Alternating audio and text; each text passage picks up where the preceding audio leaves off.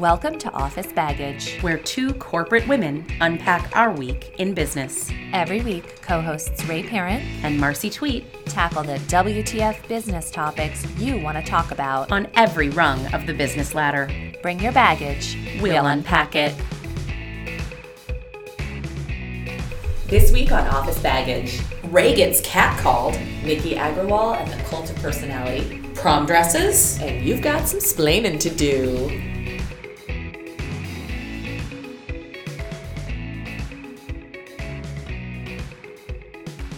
So, hey, Ray, happy Friday. Right back at you, Marcy. How was your week?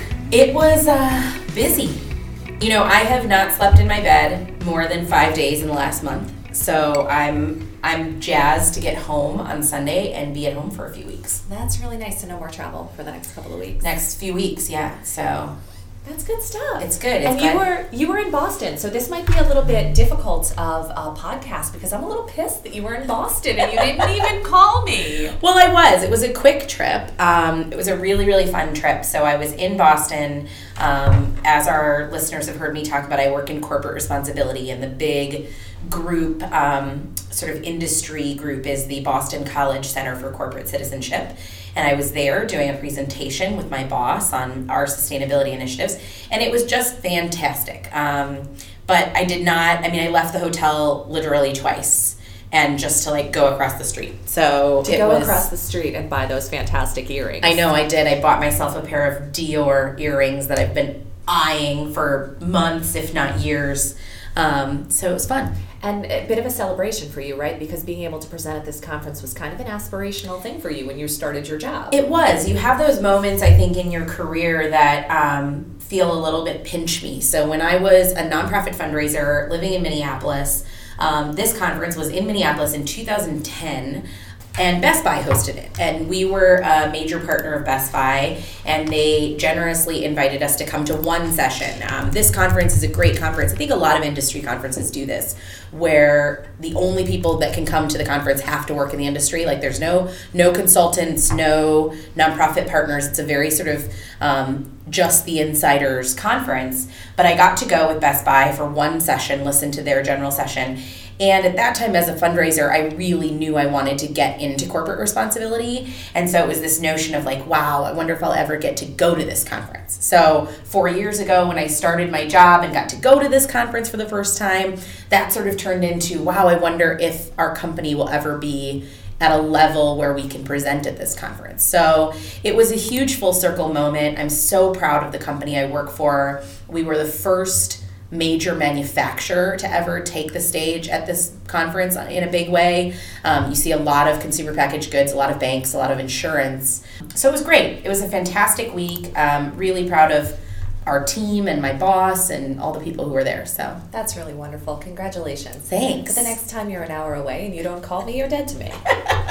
in my defense, I think I did tell you I was coming like a few weeks ago, and we and we like had a, I think we had a discussion about how I wouldn't have any time. I know, but I still don't forgive you. All right, whatever. Especially if there was shopping involved. Because you know me, I am crazy enough to have driven an hour and 15 minutes to Boston just to spend 10 minutes buying those earrings I you. know, I know. It was good. This was like the conference ended, and there were four of us that didn't fly out until later in the evening. So I was like, let's go over to Copley, Copley Plaza. Is that what it is? Copley Plaza, and buy these earrings. And I was like, yay! Oh, good so for you. it was fun. Good for you. It was really fun. So, your big news this week, which I find really funny, anyone who listened to, I think it was episode one, where we talked about sexual harassment, you made a joke that annoyed me It was because it wasn't funny. because it wasn't funny. You were like, no one ever sexually harasses me. And herein, you got catcalled. I got catcalled, and it was, you know. I'm sorry. It's not funny, but it's so funny given that you were like, no one ever sexually harasses me. It's funny for a few reasons. One, because the, uh, you know I was just walking from point A to point B. I was in a parking lot, and there were a couple of men there who were you know doing some maintenance work or whatever on the parking lot. And um, yeah, I was wearing a, you know, a dress and had my you know work bag and whatnot, and I got like a, "Hey, baby, where are you walking to?" and I'm like, I kind of looked around, like, is he talking to me? Um, and then I was like, uh, my car? Um, and then it, it kind of it kind of hit me like he wasn't really asking where I was walking to. And he called me baby, which I don't know him. So that's kind of out of bounds, Yeah. right? So I think I think that's what it was, but it was it was so interesting because one of the things that you and I talked about is how in those moments we should just walk away or whatever. I had a full on conversation with this person because I didn't want to be rude. What did he say? Like you had a something to the effect of where are you going? And I was like, uh, Dunkin' Donuts for a coffee. And then he said something along something along the lines of, "You want to get one for me too? We can have coffee together." And then at that point, I was like, "I shouldn't be having a conversation with this person. I should, I should just be getting into my car and and leaving." So I just kind of waved and was like, "Have a nice day." And you know, I got to my car, and he's like, "So you're you're gonna come back, or you're not gonna come back?" And he was just he was being persistent. He asked that a couple of times, and um, I wasn't really answering. I was just like, haha, you know, getting my stuff into my car. And finally, I looked at him and I was like, I was like, I'm ma- I'm married with two kids and I'm 40. And I don't know if I don't know if it was the two kids and You know the that 40. Madonna's like 65, so Okay. yeah, hey. I, I there's pictures online and people can verify this. I don't look like Madonna. Which is why I was like, is this dude talking to me? Here's the interesting thing though. I don't know if it was the if it was the two kids, if it was the 40 or if it was the married, but it was the mention of a man that got him to stop. So Oh, interesting. me saying because at that point I was like, haha, like it was really clear if you were paying attention to the body language that I mm-hmm. was I was getting a little creeped out. But it was not until I mentioned a man, a man not even present, that this dude stopped. And perhaps I'm overthinking it, but it's almost like he had more respect for the not present man than he had for the fact that I was uncomfortable and was like, haha, I think men just sometimes just keep pushing and pushing and pushing, and whatever it is that makes them stop, I don't know, but yeah, it sounds like he stopped because you have a husband. who by the way had my husband been there wouldn't have been any actual help so i'm not sure why the image of him made a difference but you know i got into my car and i got uh, down the road a little bit and i wasn't nervous or shaking. I never felt threatened. It was just like okay enough. Um, it was one of those moments where it's like did you ever wish that your face kind of had a screensaver so people would know when they were like talking to you too much and you wouldn't have to give any other clues? But I, so I'm sitting in my car and I'm like, you know, am I dressed inappropriately? Was I was I was I flirting when I was just saying, you know, hi or whatever? Um, I would, gosh, I'm wearing I'm, I'm wearing a dress. Is my dress too tight? Is it mm-hmm. inappropriate? Is it this? Is it that? I wore this dress to a work function. Am I giving the wrong image? Oh my God. All this self doubt, and that's one of the reasons that happened the day you were in Boston. Yeah. and that's when I texted you because I was like, I need someone to kick me in the ass right now because I'm having all this self doubt because of some construction worker. Mm-hmm. But when the no signals are out, the mm-hmm. no signals are out. Well, and then here's the thing you sent me this week the Brexit legsit. Is that what, what we're calling this? The Daily Mail published a front page article with a photo of Theresa May, the UK Prime Minister, and um, First Minister of Scotland, Nicola Sturgeon, where they are both wearing suits, skirt suits, and their legs are it, you can see their legs below the knee like you would in any skirt suit. And the title of the article is never mind brexit who won legsit And then the article goes on to thoughtfully unpack the differences in these women's legs. First of all, I have a I have a little bit of an issue with the angle that the photograph was Oh, was taken from. yes. Um, so I, I think that was a tactical error on the part of the photographer. Be that as it may, that doesn't have to be the photograph that was selected by the Daily Mail. But wow, Brexit legsit. it's a whole issue Uh, we um I, I there was there was a few like WTF did this really happen texts after that right it's crazy to me and it, but it's interesting it's always the theme of this podcast somehow that like these are the things women have to deal with that men never have to think about and i don't want to get too whiny about it but you know, I gave a presentation this week on a on a big stage in front of 800 people, and I had to question in my mind, do I wear pants or a dress? And I chose to wear pants because it is for any woman, especially fat chicks, especially plus size women. It's very difficult to think like, okay, if I'm on a if I'm on stage in the in a dress and I have hose on or I don't have hose on, I have to think about how my legs are crossed. I have to think about what, you know, I have to think, it's just a different thing you have to think about. And so I took it out. I was like, I'm wearing pants because then I don't have to worry about how high. So not only am I plus size, I'm also short. So if I had worn it, if I've, I've been in this place before where I wore a dress and they put me on a stool, Yeah, that's and I worst. felt like I was gonna crotch shot everybody. You're basic instincting the entire conference. Because like my my legs are not, and even in the chairs we were in on stage on on Tuesday, I had to scoot to the front edge of the chair in order to be able to cross my my feet underneath me because I'm so short my legs. If I had sat in the back of the chair, my legs wouldn't have touched the floor. So that's part of the thing is like women have to think about, okay, I'm going to be photographed today. Or I'm going to be in front of a thousand people today. Am I going to cross my legs? Am I going to cross my legs at the knees or at the ankles? Or am I not going to cross my legs? Like, for God's sake. Yeah. Less time spent focusing on content, just like this fantastic Daily Mail article. And look, the Daily Mail is not the last word in where anybody would go for responsible journalism, but this is just over the top. stupidity. It is wonderfully blatant stupidity. I believe that the individual who wrote the article then kind of went in and did like an overlay to make it sound like it was supposed to be tongue in cheek in the first place, but completely ins- unsalvageable in my opinion. Yeah, it was intended to be a light-hearted verdict on the big showdown. Like, no, it's not light-hearted when two of the most powerful women in the world are being, you know, it's all about their legs. Uh, on a completely separate like wardrobe note, though, clearly pantyhose still a thing in uh, in Great Britain. Yeah. Yeah, there's a there's a little bit of a sheen going on there. Do you wear pantyhose still? I am a woman of a certain age, so yes. yes. You act like you're sixty years old. I do act like I'm 60, don't I? But you wear regular pantyhose. I wear super, super sheer hose with the dress usually. Yeah. Um, because Is that your company or is it you? I like and I need that control top. Well, it depends. That's like what Spanx are for, Ray. Look at I can't. I just feel like a sausage in Spanx. And you're wearing the wrong size Spanx.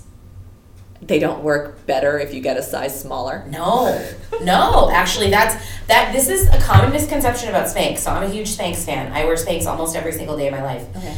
If and I'm a fat chick, so if I were uncomfortable, you would know it. Um, but no, if people who think Spanx are too tight are wearing the wrong size Spanx, because they're just supposed to like smooth. Okay. They're not supposed to suck. Yeah. Well, I um my pair of Spanx. I only have one pair of Spanx. I bought them when I was thinner, and um, now they're tighter. So I'll let you do the math as to how that happened. Um, I, my husband shrunk them in the dryer. So yeah, I usually don't. I usually don't wear them. So I do. So it depends what I'm doing. So if Yeah. I, it's just a regular day in the office or it's in the summer, absolutely not bare leg. Okay. Um, I definitely do a darker tight if I'm wearing boots or a dress or whatever. Yeah, yeah, for sure. Um, hose, if I'm going to like a conservative event, then yeah, sheer nude hose. Okay. Interesting. You don't? have never I don't know that I've ever since probably like I was 14 years old and my mother made me owned a pair of, of uh, pantyhose. Like I own tights Uh-huh. and black like black Spanx pantyhose sort of I guess they're pantyhose they're more like tights they're like shearer tights and I wear that but mostly for when it's like cold Yeah. but yeah anytime but I'm also not in the world of skirt versus pants I'm often pants Okay. so I think that makes a difference too. And you know what I discovered that makes all the difference in the world? Thigh highs. Yeah, only skinny girls can wear thigh highs. Really? Yeah. They have grippy at the top. Oh, honey. You don't understand my world. Uh, yeah. They could have super glue at the top and they would roll down a fat girl's thighs.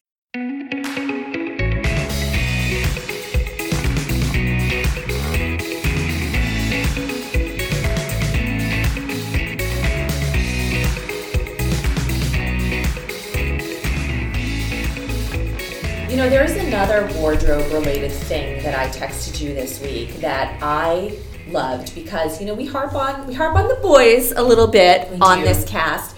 But this was just an example of boys and a younger generation of boys. So I'm going to call them young men Yeah. stepping up with their sisters. There was a um, little bit of a kerfuffle this week about prom.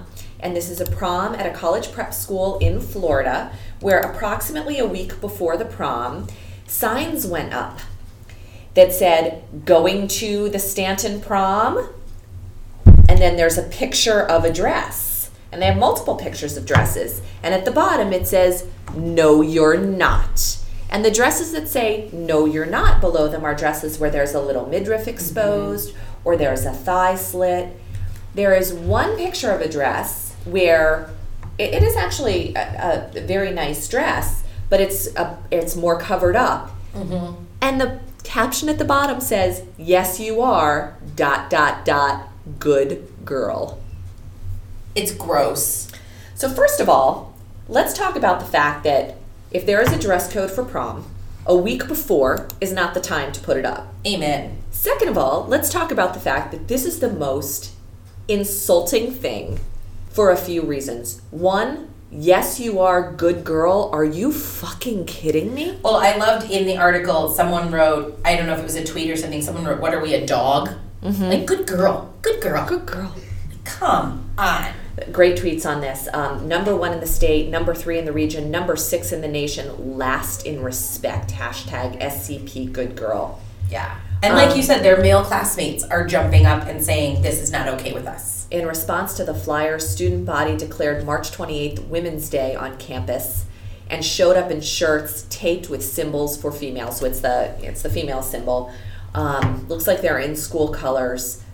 The young men were in there just as well, uh, st- standing up with their sisters. Excellent Yeah. display here, and I do believe the administration um, changed their view. I think what the administration is trying to do is prevent themselves from getting into a situation where they have to have a dialogue around a young woman's out provoking a man to do something inappropriate. And so, why this chafes me so much is because where is the equal energy going into teaching young men how to behave appropriately? Now, it doesn't sound like, given the gentlemen at this school, they have that issue that much, considering their response. But if the administration had any kind of concern, it should have been aimed at both genders. It's such a clear cut issue for me, and it's about educating our men and boys. If something provokes you sexually, how do you handle that? And how do you legislate your own impulses? And it's not any girl's fault that a guy sees her in Lululemon or any other legging or a bathing suit for that matter and decides what he needs to do or say or be, right? Right. Ridiculous.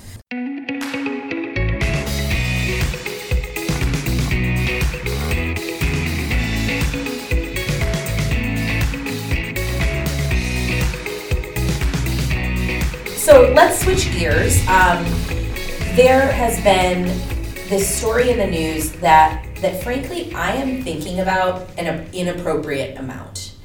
Miki Agrawal, former CEO, she calls herself CEO of Thinx.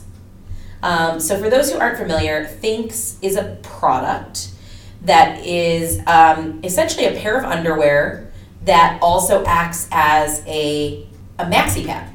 I think that's a. I, I mean, yeah, that's not even. It's so hard to describe what Thinx are. If I've I've worn Thinx, I like them. I think they're a great product, um, and the whole point of this company was to sort of take the taboo out of talking about periods and blood and what women really do and they've done some pretty incredible sort of forward thinking feminist advertising where they have not photoshopped their models they've done some things that really go on the line of, of taboo and even one of the first things on miki's personal website is a quote about her that says miki agrawal brings the wit and provocation of a performance artist to marketing products that have historically been associated with shame and she's catalyzed a movement along the way.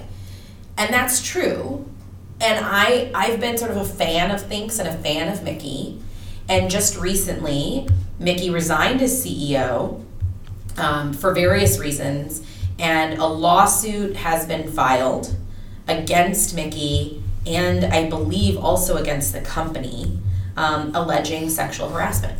Uh, some some pretty interesting stuff here too, right? So, um, was obsessed. Not my words, but in some of the articles that that's the word has been used. One employee felt that Miki was obsessed with her breasts and would comment on them and grab them. She would also change clothes in front of her employees. Um, called into sounds like Skype kind of meetings from her toilet. And naked from her bed, that was in there too. Yeah, naked from her bed. Um, I, I, I don't. And I think it's it's interesting to me that this these accusations are not coming from like random employees, low level. Like th- this is coming from their former head of public relations, very high level, close to the CEO kind of woman. Um, not that they would be any less legitimate coming from any other level of person, but I think it's interesting that this is coming from her inner circle. I think that's really fascinating as well. Um, you know, I, I appreciate that you want to destigmatize the concept of menstruation because, I mean, seriously, people, like, even me, like, I still, like, hide the box of tampons behind the, I don't know, Pringles when there's a boy running the checkout at the CVS, which is, is preposterous. So I love the idea of that destigmatization.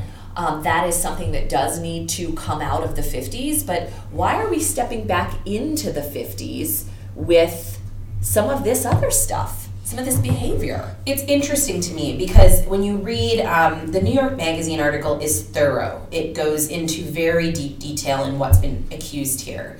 When you read it on the whole, what I took away from it is that Miki Agrawal and the people close to her in creating this company culture have clearly created a hostile work environment for some of these women that work for them. Um, they don't, you know, this goes into even more. They they haven't paid fairly, and some of those kinds of accusations. But here's what I keep coming back to, um, and maybe it's different because it's in because I do I work in a big corporation with an HR function, but some of these things, if you pull them out in single bits and not as a whole, I've done.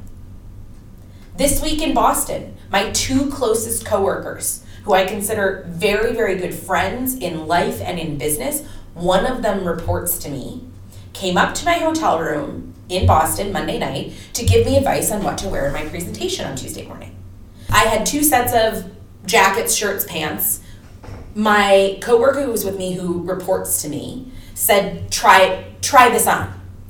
I, without thinking, I mean, these are two close women. We've been on trips together. We've done lots together. Without thinking, took my shirt off and put the other shirt on. And the hilarious thing is, we had earlier that day, a bunch of us been having this conversation about Miki Agrawal and Thinx. And I jokingly said, I was like, oh my God, are you gonna sue me? like jokingly to my two coworkers. And the woman who reports to me was like, that's the most ridiculous thing I've ever heard. She's like, You're wearing more clothes. I was wearing a full coverage bra, pants, shoes. All I did was take off one tank top, put on another. But I thought about it in a really different way. For the first, I thought, Oh my God. Like, am I doing something wrong here? So it's hard because that's what I keep coming back to with this Miki thing is I have you know, I've had conversations. I can find a text conversation with one of my staff members right now where we were going to an event, a, a black tie event, and she texted me a photo and said, too much boob of the dress she was wearing. Like, is this appropriate for me to wear to this gala? Like, I can start pinpointing very similar things that have gone on here, but in the collective, it feels very different. So, what is your thesis though? So, I look at this and I say, look, everything you're saying makes perfect sense to me. I have those relationships with women at work too. Quite frankly, that's one of my favorite things right. about being a woman in the workforce is figuring out who my closest allies are and, and having that camaraderie and having that safe space. However, and I, I similarly have a woman who works for me where sometimes the sometimes the texts are a little on the bubble. I consistently understanding the, the quote unquote power dynamic will say, too much? Is this uncomfortable? Can I ask you this? Yeah. She always has space to come back and say, No, she never has. Nine times out of ten, she's instigating more than anything. Right. But and, and I, I wouldn't believe for one second that understanding your emotional intelligence, you wouldn't be in the same place. Mm-hmm. You know how to read a room. You've given people an out. You, any one of your colleagues could say to you, uh, you know what, text me a picture instead of instead of coming up. I'm busy, without fearing any kind of punitive reaction. I didn't get that sense here. Yeah, it's hard because I mean, it does go. There are things that go over the edge where she's accused of asking an employee to see their nipple piercing, um, of talking about her own sexual exploits, um, her interest in en- entering a sexual relationship with one of her employees. I mean, there's stuff here that goes beyond you know beyond what should be happening. I mean, apparently she she talked about female ejaculation and a workshop on female ejaculation she went to. I mean, this to me goes there's stuff that goes way beyond, but it brings up this cons this now new thought in my head of here's this woman who is one of these sort of hipster CEO, like irreverent kind of women. And she's built a company culture that really does, fortunately or unfortunately, match her personality. I struggle with these kind of cult of personality mm-hmm. corporate cultures because it is very easy, unfortunately, to take them over a tipping point and into a place that becomes uncomfortable. I look at things like how Thinx pays or the fact that they only offered two weeks of maternity leave. And I say, you know what, if, if you want that to be your corporate culture, fine. I don't agree with it, Right? but every person signing up to work there goes in eyes wide open and has a choice. If you get yourself into this machine, though, and it feels hostile, mm-hmm. it, it's too much. I, I do think there is a place for a corporate culture that is somewhat irreverent, but that isn't completely inappropriate. Right. And that's hard because I do appreciate that everybody draws their lines somewhere different. But grown ups, professionals, should understand there's a line and we know when we cross it. And not just grown-ups, but CEOs. Uh, yeah. Um, Quartz did a fantastic article about this titled Thinx founder Miki Agrawal, inspired by Burning Man, forgot that offices need boundaries. And what it talks about, it says, you know, Think sold a lifestyle to mostly millennial employees, the perfect trifecta of work, purpose, and play. But then it says, your office is not a tent in the desert. Like, you are not at Burning Man. You are not at Lollapalooza. You are in an office, and your goal, especially as a company who has been on the scene and clearly wants to get to sort of IPO, big sort of snap Facebook kind of status, you have to create a workplace culture that, yes, nurtures creativity and maybe boundary pushing and some of the things that go there, but that it is still an office and it is still a business. Well, it has to be safe. If your employees do not feel safe, you are not going to see that bottom line growth that you want to see. You're not going to get the most out of them. That's that's 101. Absolutely. And it doesn't sound like It was safe space. That And- sounds very fair to me, yeah. and there's I don't know if it's apparel companies or what. Like American Apparel, uh, who is he? Du- Dov Oh. Like, Yeah. what the right? Same kind of thing where it just it started off Mm-hmm. a little chippy, a little hip, a little irreverent, and then just got to bat shittery and offending their client base. Yeah. I think in, a- in a lot of cases as well. So here's the long term that is going to be really interesting to watch. Um, Dov Charney from American Apparel, and shout out to our, our good friends over at Call Your Girlfriend, our favorite podcast. They talked about Dov this week, and, and it was fascinating. Dov Charney bounced back from all this stuff real quick. Oh yeah. real quick. Sexual harassment claims, hostile work work environment claims. Guess what? The private equity funders, they just kept coming. Venture capital just kept coming because the man knew how to build a big business. So Miki has left Thinx as CEO. Um, she has two other startups. One is called Tushy, which is um, a bidet company. She says she's making her life on poop, pee, and period blood, which I find so fun. Um, so, but one is called Bidet. So she's she is still a CEO. She is still a founder. I will be very interested to see how fast, compared to someone like Dov Charney, Miki Agrawal bounces back. Does she bounce back? When this happens to a woman, will it kill her career? It's a wonderful thing to watch uh, the, the pace of that bounce back because we do know with men the timeline is short for people to reinvent. Yeah.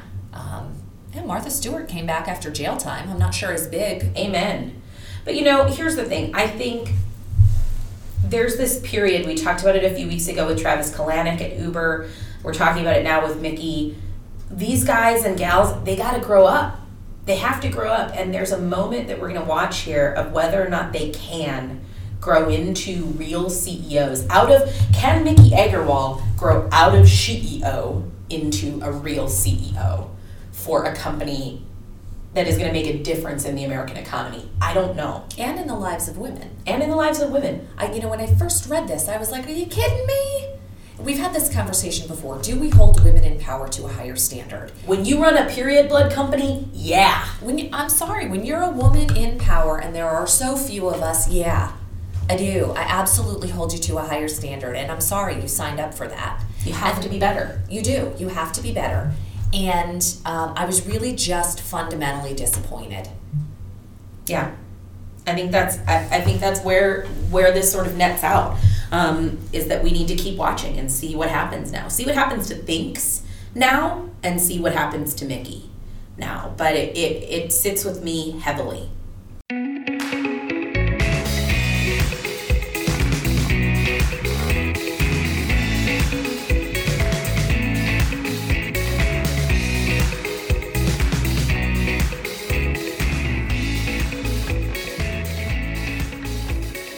Well, actually, the week in mansplaining.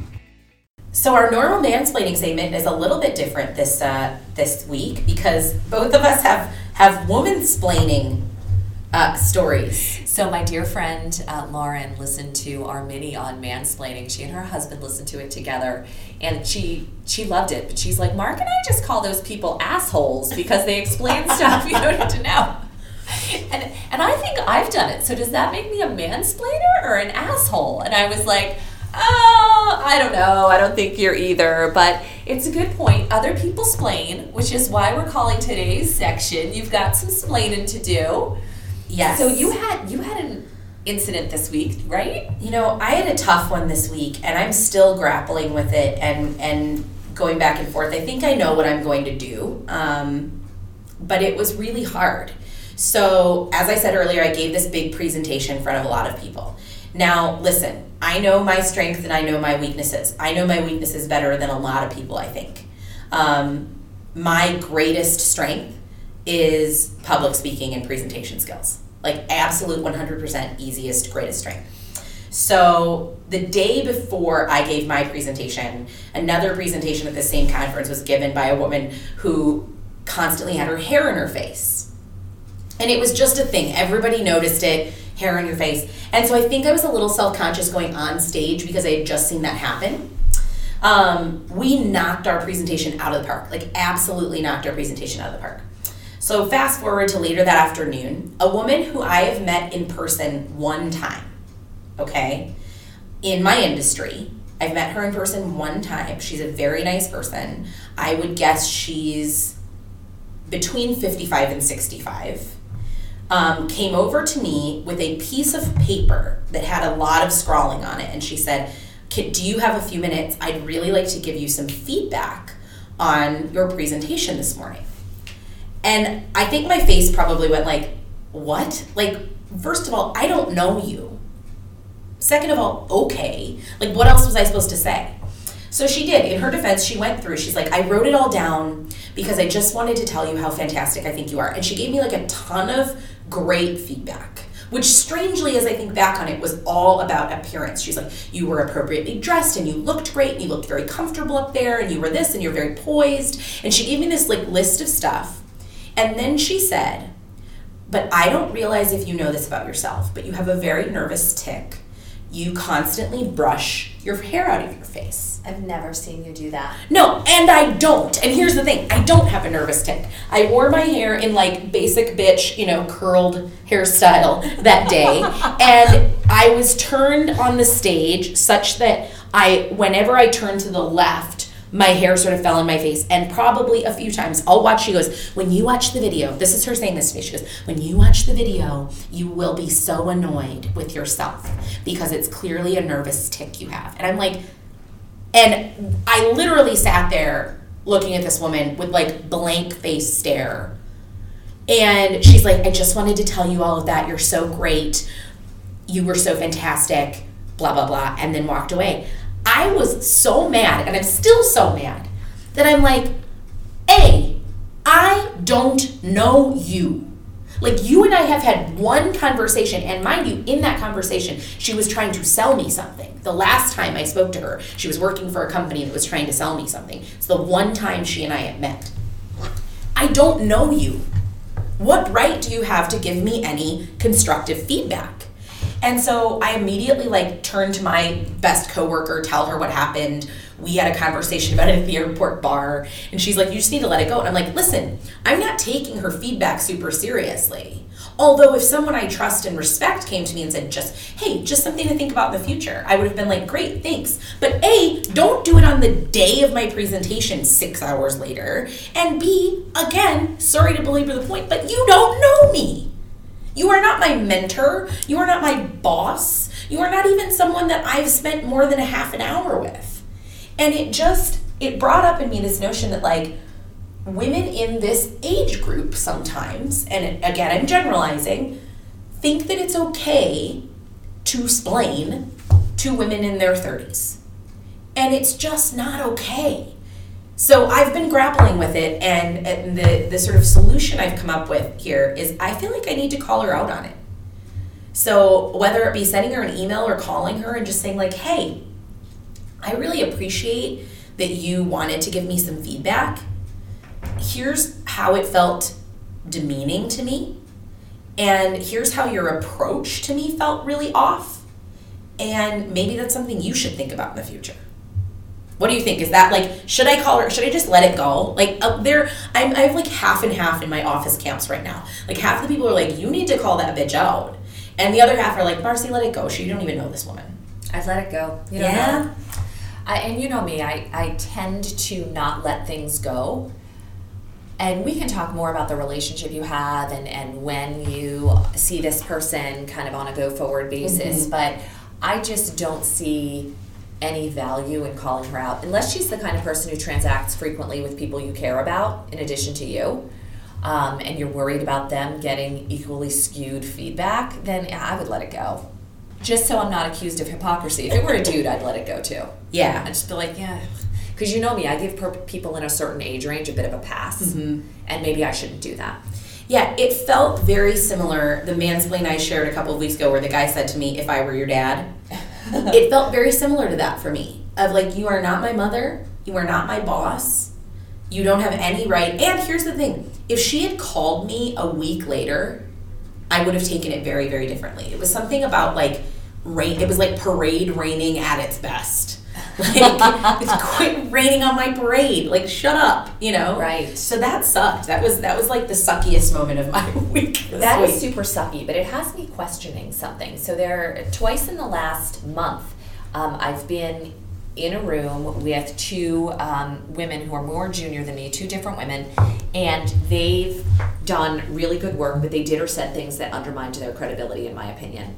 So one young woman, we'll call her Sarah, she made two really good points, and the CEO of our company was in the room.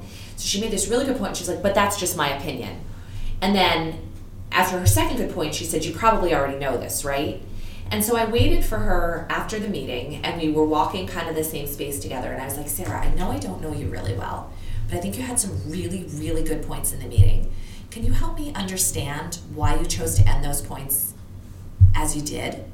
And she just kind of looked at me and was like, I guess I shouldn't have done that, right? And I was like, Don't don't apologize to me. Mm-hmm. Just know that you did it and know that you had no reason to do that. You made great points. Don't feel like because the Right. CEO is in the room, you have to like put yourself in a corner. See, and I think that's different because you are her coworker and you are senior to her in the organization. And I think in that respect, you have the right, and I would say, great for you as a senior woman in your organization to give her some feedback. And and I, I was trying to be like, you know, I hope this is okay. If I'm overstepping, please tell me. But I, I just want you to know, you did amazing. Don't undermine your credibility. And the other one was the uh, kind of a separate version of the same thing. Both sent thank you notes, so I guess that's good. But now I've got this kind of hyper vigilance around No, doing see, that if the much. same feedback had come to me from someone within my organization or even someone in the industry who knew me well Yeah. and was a trusted sort of mentor, friend, colleague, I would have taken it very differently. It was the fact that a woman who had only met me at one lunch that she was pitching something to me for thought that it was okay to give me constructive feedback on my presentation style. the day of that parade rating sucks. yeah. So I, um, I, I'm sure my face to her said like, get the hell away from me. yeah, we've talked about this before. I have a you, face problem. You might do a good job holding your tongue, but your face needs deliverance big Yes. time. No, I have no poker face. None. Period. It's awesome. yeah. So I actually I did have I did have a splaining moment this week where I just afterwards I was like, oh my god, I'm such an ass. I was in this little uh, kiosk cafeteria in our workspace, and it was 7:30 in the morning. I'm getting myself a coffee, and there's these two young men there, and this this one young man has in his hands Mountain Dew and Skittles. And I looked at him and I said, I certainly hope that's not your breakfast. He went back to his cube and he was like, what a bitch. And I, as soon as it was out of my mouth, I went, and I put my hand over my mouth and I was like, I can't believe I just said that to you. I'm really, really sorry. I'm just jealous of your breakfast because you can't eat stuff like that when you're my age. Like, I did this whole thing and I was like, oh my God. One, I'm an idiot. Two, then I tried to cover it up and just sounded like a fool. Woman's A splaining. woman splaining Woman-splaining. fool. But yeah, I, I woman splained breakfast to a intern. Good stuff.